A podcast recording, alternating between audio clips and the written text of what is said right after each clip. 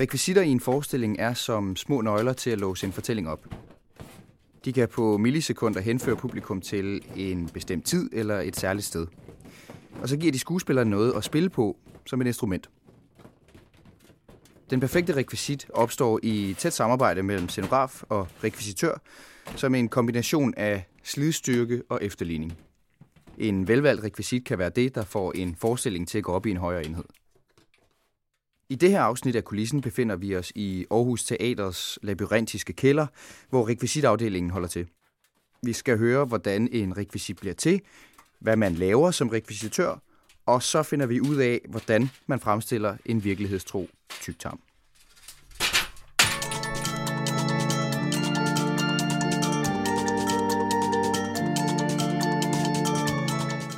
Du lytter til Kulissen, en podcastserie om livet bag scenen på Aarhus Teater. I dette afsnit fortæller rekvisitør Julia Svendingsen om arbejdet med Rocky Horror Show.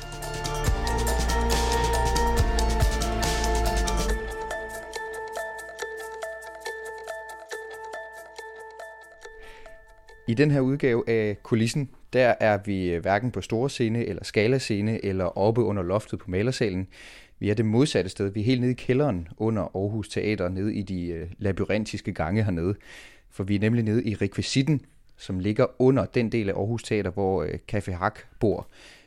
Og det er vi, fordi at jeg skal tale med Julia Svendingsen, som, som arbejder som rekvisitør her på Aarhus Teater. Og Julia, Julia kan du prøve at beskrive øh, det rum, som vi sidder i lige nu?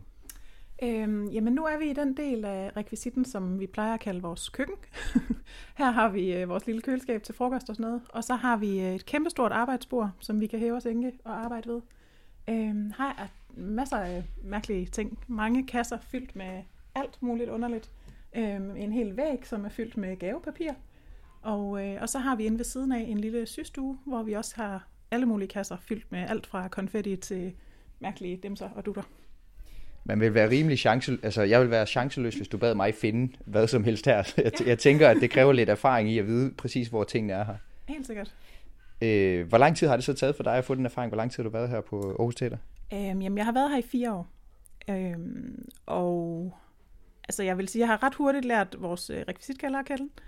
Men jeg har også brugt meget tid på at gå rundt og ligesom memorisere, hvor står hvad, og hvor hører tingene til henne.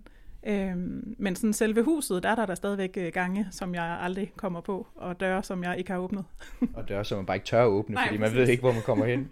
øhm, øh, hvad er din baggrund? Hvordan kan det være, at du arbejder her på Aarhus Teater? Jamen, øh, jeg er øh, autodidakt. Jeg har ikke en, øh, en rekvisitør baggrund. Øh, jeg er egentlig uddannet mønsterkonstruktør, så jeg burde være på skræddersalen, hvis man skulle se det fra den vinkel. Men, øh, men jeg kommer bare af en meget kreativ baggrund. Jeg har altid lavet ting med mine hænder. Da jeg var barn, eller ung, der drømte jeg om at blive rekvisitør. Men jeg fik altid at vide, at det var sindssygt svært, og man kunne aldrig komme ind nogen steder, og man ville aldrig få praktikplads, og det der med at få et arbejde, det var håbløst. Øhm, så den drøm, den smed jeg fra mig, og så gik jeg en anden vej. Og så har jeg lavet lidt alt muligt forskelligt. Jeg har været selvstændig et par omgange med forskellige ting. Og så mødte jeg en, som arbejdede herinde, Øhm, og snakkede lidt med hende om det, og hvor meget jeg gerne ville det, og øh, om de havde brug for hjælp. Og så har jeg været nede og hjælpe lidt til. Øhm, og da hun så skulle stoppe, fordi hun skulle flytte til et andet land, så sagde jeg, jeg vil gerne have det arbejde. Og så var jeg heldig at komme til samtale, og så fik jeg det. Og hvordan bliver man, altså hvordan går man ellers den slagende vej til rekvisitør? Er det en uddannelse, man kan tage normalt, eller? Ja, det er det. Altså, så vil man uddanne sig som øh, scenetekniker, øhm, og så vil man ligesom niche sig den vej, ligesom hvis man vil være arbejde med lys for eksempel, så nischer man sig den vej, men, men det kan man så gøre som rekvisitør. Så du har simpelthen mavet dig ind som rekvisitør her på, her på teatret. Du, du sagde, at du som, som ung og, og som lille drømte om at være rekvisitør. Hvad, hvad er det for en, undskyld, jeg siger på den måde, men det er lidt særlige ting at drømme om, når man er barn, hvor alle andre vil være astronauter eller brandmænd, ja. eller hvad man nu øh, går og drømmer om. Du vil gerne være rekvisitør. Ja, det vil jeg gerne. Øhm, og jeg tror, det er det der med, at jeg altid godt har kunne lide at lave ting med mine hænder, og jeg kan godt lide at, at bygge ting og, og ligesom indrette. Øhm, og derfor så tænkte jeg, at, at rekvisitør eller scenograf øh, kunne være rigtig spændende. Øhm, ja. Men, men, men det er jo også, altså man kan lave mange ting med sine hænder. Hvorfor så lige præcis det der med at arbejde på, på teatret og lave ting, som, som har noget med skuespil at gøre? Jamen, det har faktisk aldrig rigtig været skuespillet, som, som interesserede mig. Øh, men, men det der med ligesom at, at bygge scener op og, og rum, som, som skal ligne noget, det ikke er, det synes jeg er ret spændende. Øh, ja, det kan jeg godt lide. Og det er jo, det kan man sige, det er rimelig spot on i forhold til, hvad, hvad teateret øh, går ud på. Mm. Øh, hvordan, hvordan, ser din, hvordan ser din dagligdag ud? Jamen det, der er fantastisk ved mit arbejde, det er jo, at der aldrig er nogen dage, der ligner hinanden. Øh, det er jo, altså, ja, det ændrer sig helt vildt fra øh, forestilling til forestilling, hvad der er, der skal laves. Nogle forestillinger er meget øh, simple, og der skal jeg bare bestille ting fra en checkliste, så der sidder jeg meget ved computeren. Og andre forestillinger, som jo er dem, jeg synes, der er rigtig sjove, det er ligesom Rocky for eksempel, hvor, øhm, hvor jeg har skulle producere alle mulige mærkelige ting, som organer og indvolde og ja, mange mærkelige ting. Og det synes jeg jo er rigtig sjovt.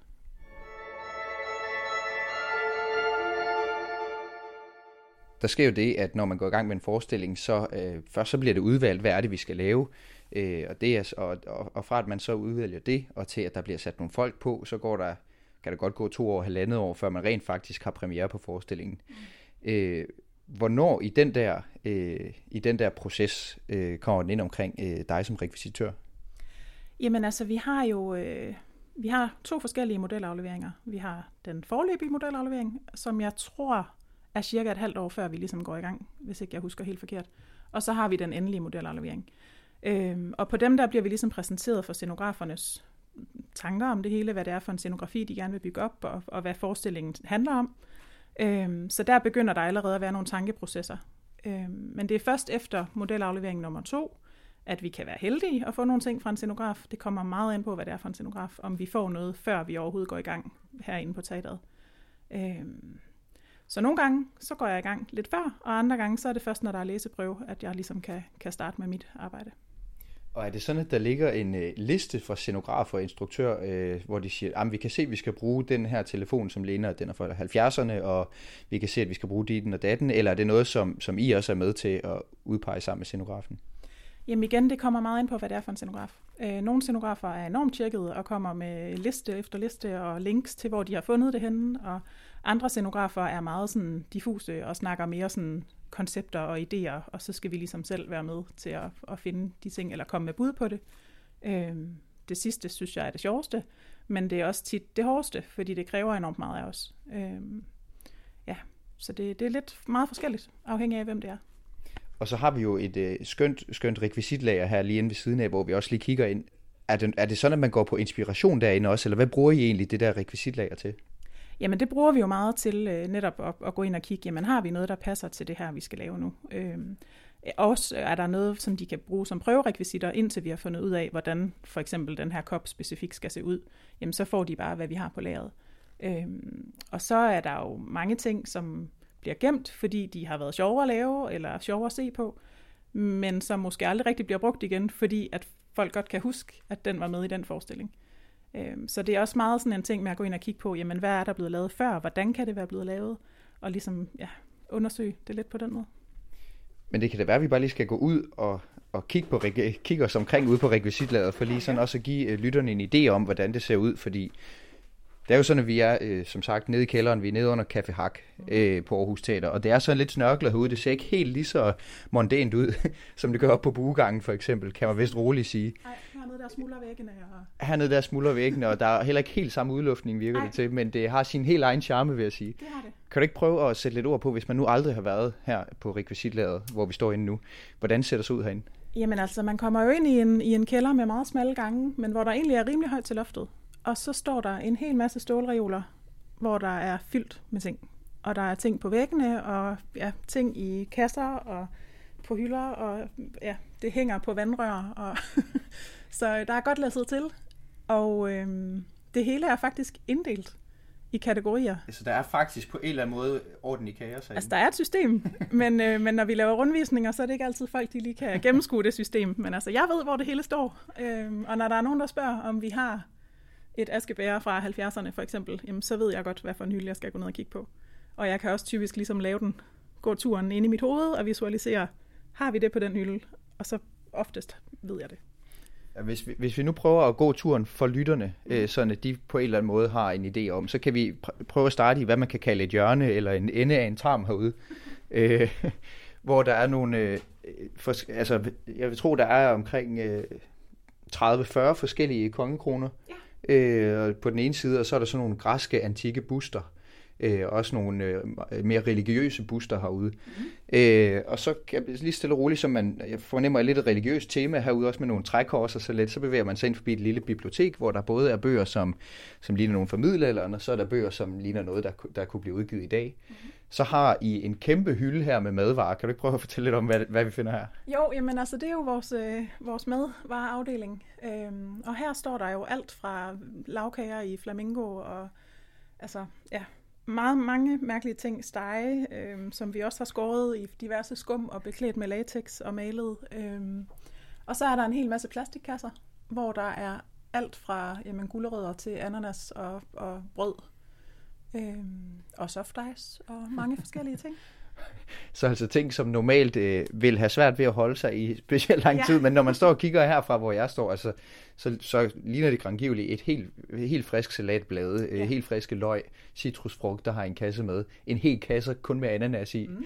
Øh, så så det, det, er, det, er, det er mad, øh, madvarerne, øh, en lille kasse med ost, kan jeg se, som det nok vil være gået mug i, hvis det var. Ja. Øh, for at beskrive detaljeringsgraden, så er der også en, en hel væg øh, dedikeret til øh, tæppebanker, og, og hvad er det, så er der lidt piske på, øh, en 6-7 forskellige fluesmækker. Øh, hvad hedder de der overhovedet, dem der man puster, øh, puster til gløderne med? Ja, det er et rigtig godt spørgsmål. Jeg tror, det hedder en blæsebælge. En blæsebælge. Selv blæsebælge er der ikke bare en, men tre forskellige af. Det skal jo passe til, til tidspunktet. Det det jeg tror ikke, vi når hele vejen rundt, fordi så, så vil det blive en meget lang udsendelse. Altså, Men, man kan sige, hylden herinde, det er måske noget af det, som er, er noget af det sjoveste det er at gå ind og kigge på. Fordi det her, vi har alle mulige lægeremedier og redskaber og glas på, øh, eller med, fyldt med øjne og iler og alle mulige sjove ting. Den plejer folk at være ret begejstrede for. Ja, der er simpelthen til både laboratorie og til, øh, det ligner også lidt en øh, medicinsk afdeling. Ja Øh, og det kunne altså, der er sådan nogle, der er sådan nogle farvede, store glasmontre, som ligner noget, der, som har sådan lidt middelalderligt over sig, og så helt op til noget, der vil, man vil finde på et, på et hospital i dag. Mm.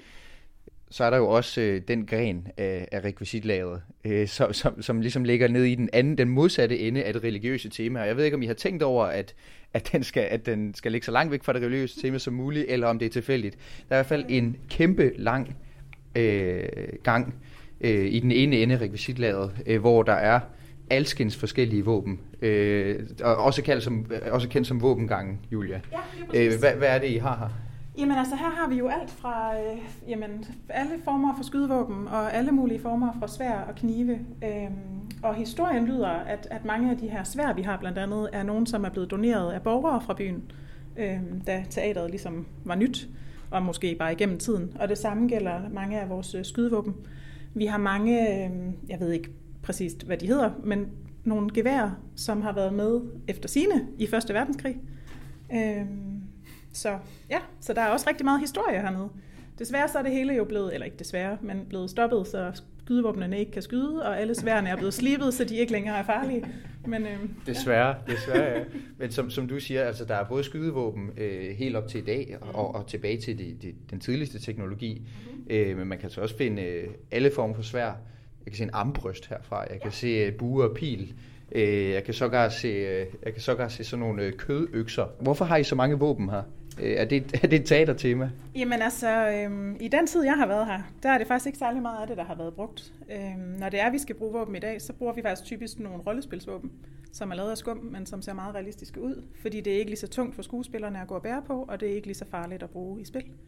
Øhm, de der geværer, som jeg snakkede om før, de vejer jo altså virkelig mange kilo. øhm, så skuespillerne er sjældent særlig glade for at skulle bære rundt på dem på scenen. Så det er, det er også noget, man, man, man næsten mest af alt kan bruge som inspiration. Jeg kan også, nu går vi forbi et lidt mindre lødigt segment her med nogle kæder, som, og, og en masse håndjern, som, som giver mange forskellige referencer. Ja. Lad os prøve at gå ind på, øh, ind på arbejdspladsen igen. Mm-hmm.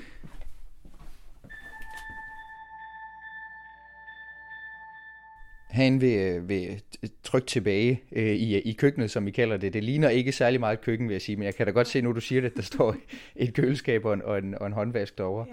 Ja. Øhm, så, har, så er det jo sådan, at du har øh, bordet fyldt ja. lige nu. med øh, forskellige former for et meget, meget øh, realistisk udseende øh, tarme. Øh, kan du prøve at beskrive, hvordan de ser ud, og hvad de er blevet brugt til? Ja, men altså, øh, der ligger øh, nogle tyndtarme i mange, mange meter, og så ligger der et par øh, tyktarme, som øh, er meget blodige. Og øh, det er nogen, som jeg er ved at lige lave lidt reparationer på, fordi de skal sendes med videre. Øh, fordi Rocky Horror, som vi lige har spillet og er blevet færdige med, skal sendes videre til Odense. Og der skal jeg så lige sørge for, at tingene er, som de skal være, når det bliver sendt videre. Og for dem, som ikke har set Rocky Horror Show, øh, hvad er de så blevet brugt til? De er blevet brugt øh, i den scene, hvor øh, Eddie han bliver øh, myrdet af Frankenfurter, og øh, der er der i vores version en, øh, en ret brutal scene, hvor øh, danserne kommer og flår hans indvolde ud og æder dem. og, og er det noget, som, øh, er det noget, som, som Moki som instruktør og Ida som scenograf har efterspurgt? Har de, har de fået en idé til, kunne det ikke være fedt, hvis vi kunne flå de her tarme ud, og så kommet ned til jer, kom på besøg hernede i rekvisitafdelingen og spurgt, hvad kan vi gøre? Ja, det er det. Det er simpelthen en idé, de har fået ud fra et, et stort kostyme, der skulle bruges, og så synes de, det kunne være fedt, der skete noget, og det skulle være blodigt. Og i virkeligheden, så ville de rigtig gerne have haft, at der var rigtig meget blod på scenen. Øhm, men fordi at det er en danseforestilling, og, øh, og det simpelthen ikke har kunnet lade sig gøre at, at rydde op efter de mængder af blod, de gerne vil have, så skulle vi finde på nogle alternativer. Øhm, og der har jeg så lavet de her tarme, og ligesom smurt dem ind, sådan så det ser ud som om, at de er våde af blod, men, men de er helt tørre. Og så øh, fandt vi på at putte en masse øh, rød glimmerkonfetti ind sammen med de her tarme, sådan så at når de ligesom river dem ud af dragten, så står der en sky af konfetti omkring dem, rød konfetti, og det simulerede så blodet. Og det er jo noget, når man har set forestillingen, så har man tænkt, det giver super god mening. Mm. Øh, jeg har slet ikke forestillet mig, eller tænkt, at der skulle være andet end det der røde konfetti, som symboliserede blod. Men på en eller anden måde, så kendetegner det vel meget godt det der, de der dilemmaer eller kompromiser, ja. øh, som man bliver nødt til at indgå. Jamen, det gør det helt sikkert. Øhm, der er jo tit mange praktiske ting, som spænder ben for, for det, øh, instruktøren og scenografen ønsker sig. Øh, og ting, som de slet ikke selv har tænkt på, og hvor der er vi så nødt til ligesom at sige, jamen, har I tænkt på det her, og hvordan gør man, hvis der skal komme otte dansere ind, når der ligger en pøl af blod på scenen? Det kan ikke lade sig gøre. Øh, så nogle gange skal man også være nej-siger, og det er aldrig helt sjovt, men, men det er også en del af rollen. Jeg skulle til at sige, at nogle gange så bliver jeg også nødt til at være lidt øh, øh politibetjenten eller et eller andet, men så er jeres opgave jo så, som I også har gjort her, at komme et andet bud på, hvad der vil kunne fungere lige så godt, eller passe, fordi det passer jo godt ja. ind i forestillingsånd stadigvæk med det her konfetti og så videre. Mm. Helt sikkert. Øhm, det er jo nok ikke alle forestillinger, man lige vil skifte blod ud med rød konfetti, men lige til den her, der, der fungerer det rigtig godt. Øhm, og det er meget det der med, at vi ligesom skal finde, jamen skal komme med alternativer, hvis der er noget, hvor vi siger, at det her kan ikke fungere, men har I tænkt på at gøre det sådan her i stedet for? Og med far for, at det bliver øh, super nørdet nu, mm. øh, så skal du, nu, nu sætter jeg dig fri til at nørde på det her. ja. Kan du ikke fuldstændig øh, slavisk gå igennem, hvordan I har lavet de her tarme? Altså det, som du siger, så ligger der både tyndtarm og tyktarm. Mm. Og hvis jeg, hvis jeg så det ud af øjenkrogen, hvor jeg bare gik forbi, så vil jeg sværge på, at det var ægte. Altså det, at det var sådan det, at der seriøst lå tarme på bordet foran mig her. Ja. Øh, hvordan har I helt fra starten på jer ad, og hvad, hvad har I brugt til at lave de her tarme? Jamen helt fra starten, så er jeg simpelthen startet med at gå ind og google øh, og prøvede at se, om jeg kunne finde nogen, der havde fundet på noget, der kunne ligne det, jeg gerne ville lave. Og der fandt jeg på YouTube en eller anden video fra noget øh, cosplay, et eller andet, hvor der var en fyr, der havde lavet nogle, nogle meget realistiske tarme. Og så kiggede jeg lidt på, hvordan han havde gjort, og så øh, videre videreudviklede jeg på det, og fandt frem til den her løsning. Øhm, og det, jeg har gjort med tyndtarmene, det er, at jeg har købt sådan nogle øh, pakkepeanuts, Øhm, hvis man ikke lige ved, hvad det er, så når man bestiller ting på nettet, som kan være lidt skrøbeligt, så er ens papkasse tit fyldt med sådan nogle små skumme fiduser. Det er sådan nogle. Det er pakkepeanuts. Øh, de hedder pakkepeanuts, når de er lidt aflange og runde, og ikke de der små trekantede, eller med tre takker på. Så sådan nogle har jeg, har jeg købt. Så har jeg trukket dem på øh, noget vokstråd, øhm, og helt tæt. Og ovenpå det har jeg så øh, viklet mange, mange lag af silkepapir, som jeg har penslet med gummimælk også kaldet flydende latex, øh, for ligesom at holde på det. Så har jeg indfarvet den her flydende latex i en farve, jeg synes passede godt, øh, for ligesom at give det nogle lag af det. Og til sidst, når det så er tørt, så har jeg øh, givet det det her blod, blod look ved at bruge en øh, klar, blank lak, som jeg har farvet med noget, der hedder navsværte, som er en sværte, man bruger øh, primært i læderindustrien til at indfarve læder med. Og øh, det har jeg så gjort i nogle forskellige nuancer, for at, at få det til at have lidt dybde. Og så har jeg ligesom bare stået med gummihandsker og splattet det ud over de her tarme. Øhm, og så er de good to go. Og, og hvor lang tid gik der med, med, med det arbejde, med det opfinderarbejde, som det jo egentlig er? Jamen altså, der, det tog selvfølgelig lige noget tid at lave nogle prøver og finde ud af, hvordan fungerer det her, og holder det i spil. Øhm, og så har det taget lang tid. Vi har faktisk fået to forskellige ind og hjælpe. Øhm, vi havde en praktikant i nu, en, øh, en ung fyr, som fik fornøjelsen af at stå og lave tarme. så kunne han skrive det på CV. Ja, det kunne han. øhm, og så havde vi en, øh, en regissør, som lige havde nogle timer, der skulle brændes af, så hun kom herned og hjalp os. Så det har taget lang tid, alt i alt, fordi der skulle laves mange, øhm, og der skulle laves ekstra, fordi ting går i stykker. Øh, og det er også lidt det, der er udfordringen tit med vores arbejde, det er, at vi kan have en idé, vi kan have snakket med instruktøren og scenografen om, hvordan skal det her bruges. Så kommer det i prøverummet, så kommer der skuespillere, og skuespillerne, de lever deres helt eget liv, og bruger ofte tingene på en helt anden måde, end vi havde tiltænkt. Og så er vi ligesom nødt til at gå ind og sige, okay, men hvis jeg absolut skal lave togtrækkeri med de her tarme, så bliver jeg nødt til at gøre det på en anden måde. Eller også så er jeg nødt til at sige, det kan I ikke, mm. fordi det her det er det, I kan få, og så må I ikke lave togtrækkeri, fordi så går det i stykker. og så bliver kompromiset så, at der står en shiber i de her, ja, i, en, i, en, i, en, i, en, øh, i en, hvad hedder det, en tygtarm på et tidspunkt. Ja. Ja, ja, ja det, og, og det er jo et glimrende kompromis, kan man sige. Ja. Er der noget ved at arbejde på, øh, på et teater her, Aarhus Teater, øh, som er kommet bag på dig øh, i dit arbejde som rekvisitør? Øhm, ja, det er der.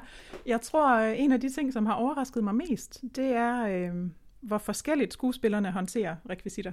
Øhm, og nogle gange, hvor dårlige de er til det. øhm, et eksempel, det kan være, hvis, øhm, hvis de skal have en kuffert, som er meget tung. Man ser aldrig, hvad der er i den her kuffert. Den skal ligesom bare løftes, og man skal lade som om, den er tung. Så er der altså nogle skuespillere, som ikke kan finde ud af at spille, at den kuffert den er tung, og så er jeg nødt til at fylde den op med alt muligt, for at de ligesom får den effekt, de gerne vil have. Øhm, og, og det kan være det samme, hvis vi nu skal have noget, der, der lugter dårligt. Så kan de ikke, nogen af dem, ikke spille, at, at det her det lugter dårligt. Så hvis man er nødt til at brygge noget sammen, sådan så at de kan lave den rigtige grimasse. Øhm, og det er kommet lidt bag på mig, at, øh, at de ikke rigtig kan spille alting.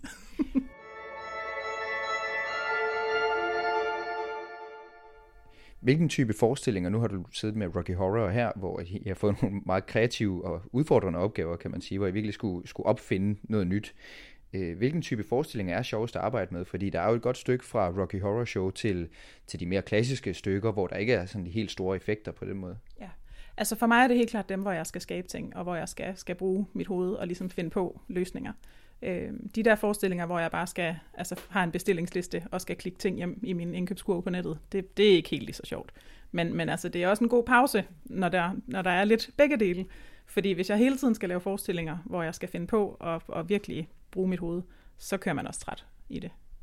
Så hvornår, hvornår har du lavet, hvis du nu sætter ting lidt på spidsen, hvornår har du lavet sådan en, fra en, fra en rekvisitørs øh, øh, blik, en lidt kedelig forestilling? Åh, oh, hvornår lavede jeg det sidst? Jeg har været så heldig, at, at hele den her sæson har været sådan rimelig, øh, rimelig fed. øhm, jamen, det kan jeg faktisk ikke engang rigtig huske. Måske er det helt tilbage til Den gode vilje eller sådan noget, hvor, øh, hvor det var nogle stole på en scene øh, og der ikke var så meget andet. Ja, hvad var det for en type forestilling? Nej, det var ikke den gode vilje, det var fornuft og følelse. Var det ikke den, hvor vi bare havde en hel masse stole, der skulle slæbes ind og ud? Øh, og som så skulle have en, en farvegraduering på betrækket, og det var ligesom det mest udfordrende. Ja. Så den, den var lidt mere til højre benet? Ja, det var den, indtil de så fandt ud af, at de der stole, som skulle være meget gamle og fine, også skulle væltes meget aggressivt af skuespillerne, så de gik jo i stykker hele tiden. Øh, så på den måde endte det også med at være en udfordring, men, øh, men altså, der var kun de der stole. Hvor, hvor, hvor meget det her, det, det de her tarme står og kigger på nu, mm. som et eksempel, nu er det jo bare et eksempel på alle de ting, I laver, men der kunne man jo godt forestille sig, at der skulle, at, at malersalen har været inde over og sige sådan, hvad vil vi gøre, eller hvad kunne vi finde på, hvor, og, og, og I sidder jo også, du sidder jo nu og syr tråd i tarmene, for de holder bedre, og I har en, I har en symaskine derinde og så videre altså ting, som man normalt forbinder med skræddersal. Ja. Hvor meget samarbejde er der på tværs?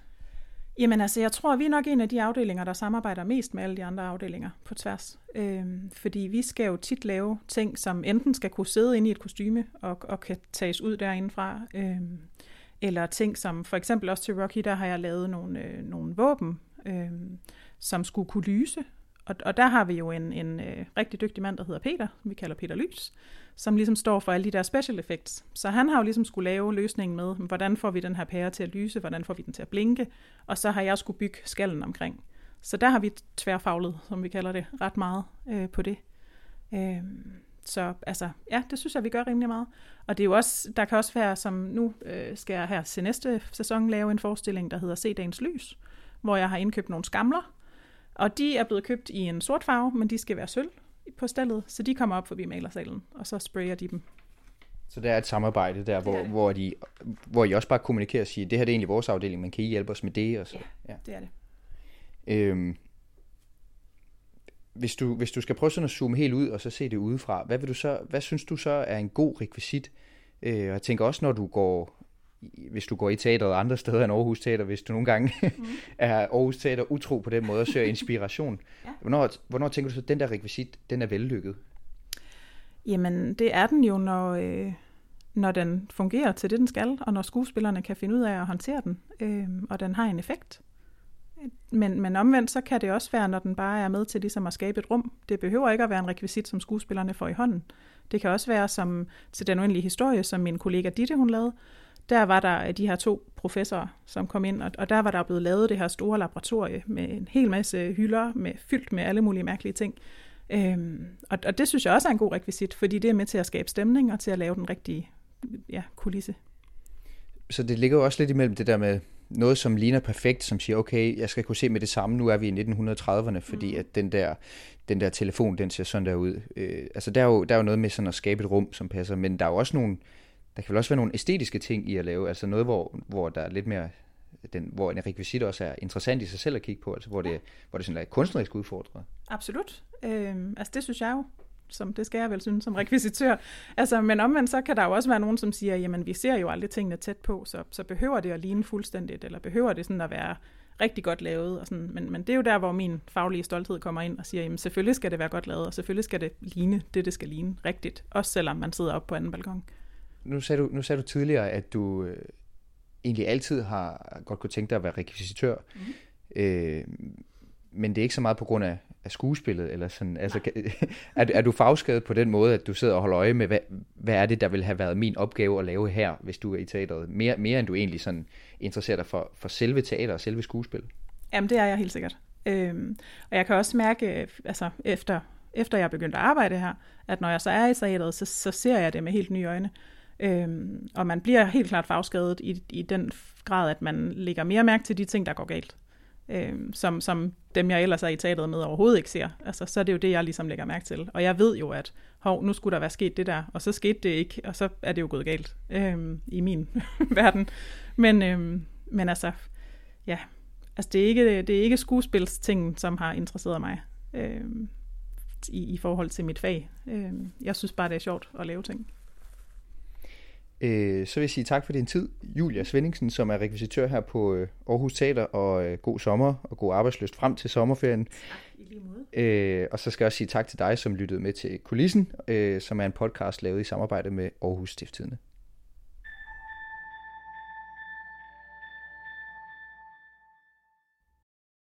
Du har lyttet til Kulissen, en podcastserie om livet bag scenen på Aarhus Teater. Mathias Wissing har stået for koncept og tilrettelæggelse. Lyddesignet blev skabt af Claus Q. Hedegaard og Marie Kolkær Højlund.